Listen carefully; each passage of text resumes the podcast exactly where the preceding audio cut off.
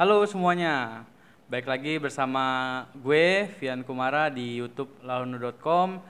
Hari ini ada suatu topik yang menarik yang akan kita bahas yaitu tujuh cara atau tujuh hal yang dilakukan sebelum Anda melamar kerja. Jadi simak video ini sampai habis, jangan lupa subscribe, comment, and share video ini jika memang bermanfaat untuk teman-teman semuanya yang ada di sini. Mari kita simak videonya sebagai berikut. Tujuh hal yang dilakukan saat kita melamar kerja ini uh, gue rangkum dari beberapa sumber dari launo.com, dari liputan 6, dari Tribun News dan dari karir.com dan sebagai macam lainnya.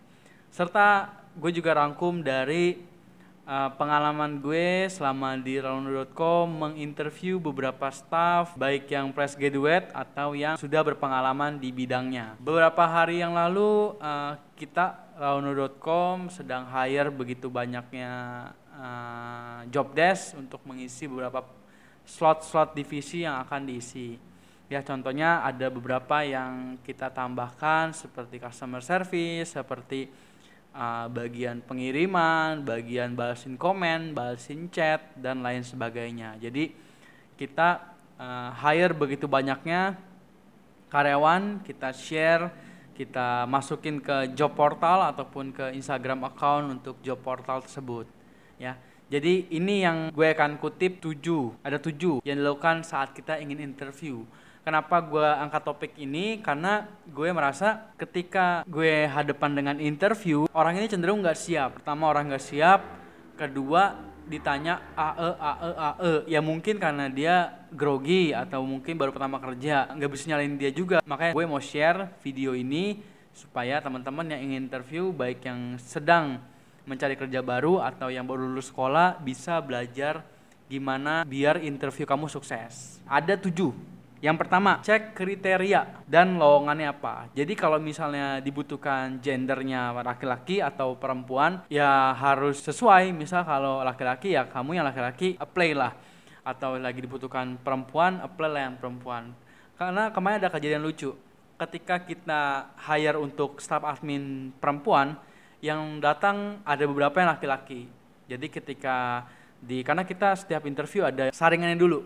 Ya pertama gue review dulu CV-nya, terus gue baca dulu, gue telepon, terus baru untuk interview langsung ke kantor bertemu dengan gue dan beberapa tim interview lainnya. Jadi ketika ditanya, ini kan kamu nggak lihat ya shift kita lagi butuh untuk perempuan, kenapa kamu ngelamar kayak gitu? Saya tanya seperti itu, saya tes. Ternyata jawabannya cukup menarik Ya, jadi jawaban dia itu, iya Pak, saya inisiatif karena saya lelaki, saya inisiatif, saya pengen kerja Pak. Jadi mungkin Bapak membutuhkan lelaki uh, dibanding perempuan, ya karena saya ada pengalaman di bagian CS untuk perusahaan xxx.com. Mungkin Bapak berminat, uh, saya bergabung di sana, ya. Ya menarik, akhirnya gue undang interview, ternyata tidak semenarik yang dikira, ya. Jadi hasilnya uh, sangat bagus untuk alasan dia kenapa ngeplay tapi ketika di interview ya banyak missnya ya. Seperti itu. Itu yang pertama. Cek kriteria dan lowongannya apa. Yang kedua pastikan tanya ketika di interview itu jenjang karirnya seperti apa ya. Lalu gajinya seperti apa. Format gajinya bukan nominalnya. Yang jelasin adalah format gajinya. Kita harus jelas apakah uh, gajinya itu dibayar setiap hari setiap minggu atau bulanan. Ya karena beberapa sekarang uh, startup startup menerapkan sistem gaji dua, mi dua minggu sekali atau sebulan dua kali. Ya itu banyak diterapkan juga oleh beberapa startup. Lalu lowongannya apa? Nah ini yang menarik. Jadi ada kemarin kita hire untuk staff uh, admin banyak yang hire programmer desain grafis accounting. Lalu ada lagi yang multimedia. Nah, orang tersebut sudah pernah bekerja di bidang tersebut. Kenapa lalu jadi admin? Yang kita tahu admin adalah administrasi yang kerjanya hanya input-input data, entry-entry data, ya. Seperti itu. Jadi kita harus lihat dulu lowongan jenisnya apa. Kalau kamu lulusannya multimedia, sebisa mungkin nyari lowongan yang multimedia. Jangan nyari lowongan yang melenceng dari multimedia untuk loncat pertama boleh nggak? Boleh. Misalnya kalau kamu multimedia tapi kamu pengen jadi admin dulu deh. Baru sambil nunggu senggang nanti aku cari lagi yang uh, multimedia. Is oke, okay, nggak apa-apa ya. Tapi sebisa mungkin sesuai dengan jurusan ya. Sayang kamu udah kerja, kamu udah belajar, jadinya sia-sia ya seperti itu. Yang kedua, lihat pengalaman kamu. Kalau kamu udah pernah kerja, udah pernah kerja sebelumnya, lihat pengalaman kamu. Apakah kamu berbakat atau pernah relevan dengan bidang tersebut. Jadi jangan, oh ini kita lagi cari admin untuk uh, packing gudang. Nah ini kita nyari admin entry data. Ya bisa jadi nyambung, tapi sebisa mungkin cari yang lebih naik lah. Misal kalau kamu bekas dulunya atau sekarang kamu bekerja sebagai uh, packing uh, barang, nah kamu coba apply untuk bagian warehousing atau bagian pergudangan, kepala gudang. Nah itu jadi kamu udah ada pengalaman. Saya dulu udah pernah menjadi bagian packing, saya ingin melamar naik pangkat untuk menjadi staf gudang. Ya, nanti pasti tanya, apa kamu pengalaman di dunia warehouse atau di dunia apa? Ya karena saya pernah packing, pasti saya pernah stock of name atau apa. Jadi kamu ceritain pengalaman kamu saat interview. Yang kedua, lamar, lamaran atau apply lamaran ya. Jadi lamaran atau CV kamu isinya harus jelas nama kamu siapa, tanggal lahir, alamat kamu, terus nomor HP dan nomor HP selalu cantumin nomor yang WhatsApp. Ini penting banget.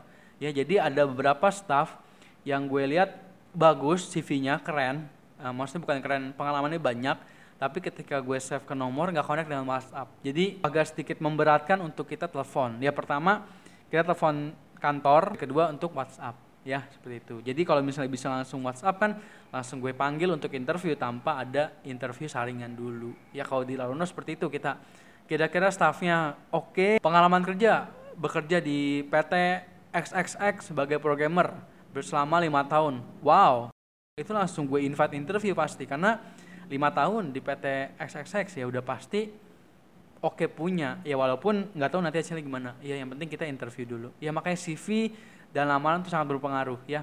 Kalau kamu fresh graduate, ya usahakan kamu ceritakan pengalaman magang kamu di CV kamu. Ya, kalau kamu pernah magang di uh, bla bla bla.com atau di PT ABC atau di PT DEF, kamu ceritakan kamu ngapain di sana. Ya, jadi itu juga sebagai bahan pertimbangan untuk kita uh, ngelihat seberapa bagus kinerja kamu. Lalu yang ketiga, kirim sesuai dengan apa yang diperintahkan di lamaran itu.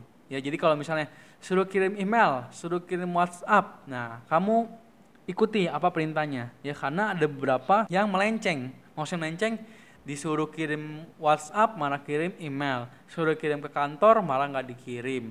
Ada yang kayak gitu, dia udah berminat banget, ya nggak dikirim, cuma kirim by email. Padahal walk in interview kan harus bawa CV ke perusahaan tersebut, ya. Lalu yang kedua dari yang apply lamaran ketika kamu habis apply follow up lah. Satu sampai dua hari kamu telepon atau kamu WhatsApp. Kalau kamu benar-benar niat ya. Jadi kamu uh, halo dengan HRD biasa kayak gitu ya. Dengan HRD dari PT ABC.com saya kemarin lihat lowongan bapak ibu di uh, Instagram account atau di uh, bla bla bla.com Nah, apakah lamarannya masih terbuka? Karena saya kirim CV atau kirim lamaran belum dibalas. Nah, seperti itu. Jadi kamu ada follow up-nya ya, kamu ada remind-nya seperti itu. Ya, itu untuk satu dan kedua ya. Nah, yang ketiga saat interview, yang nomor tiga ini adalah yang paling penting. Di bagian interview ini terus ada satu bagian yang lebih penting sebelum kamu interview, ya, yaitu apa? Lihat detail perusahaannya. Kamu cari tahu perusahaan itu apa sih? Dia bergerak di bidang apa? Websitenya apa? Terus produknya apa aja, uh, visi misinya apa aja. Ya kamu cari di Google. Ya perusahaan itu bergerak di bidang apa itu banyak banget tentang perusahaan. Misal kalau kamu cari Laruno, Laruno kamu ketik Laruno itu apa, kamu ketik.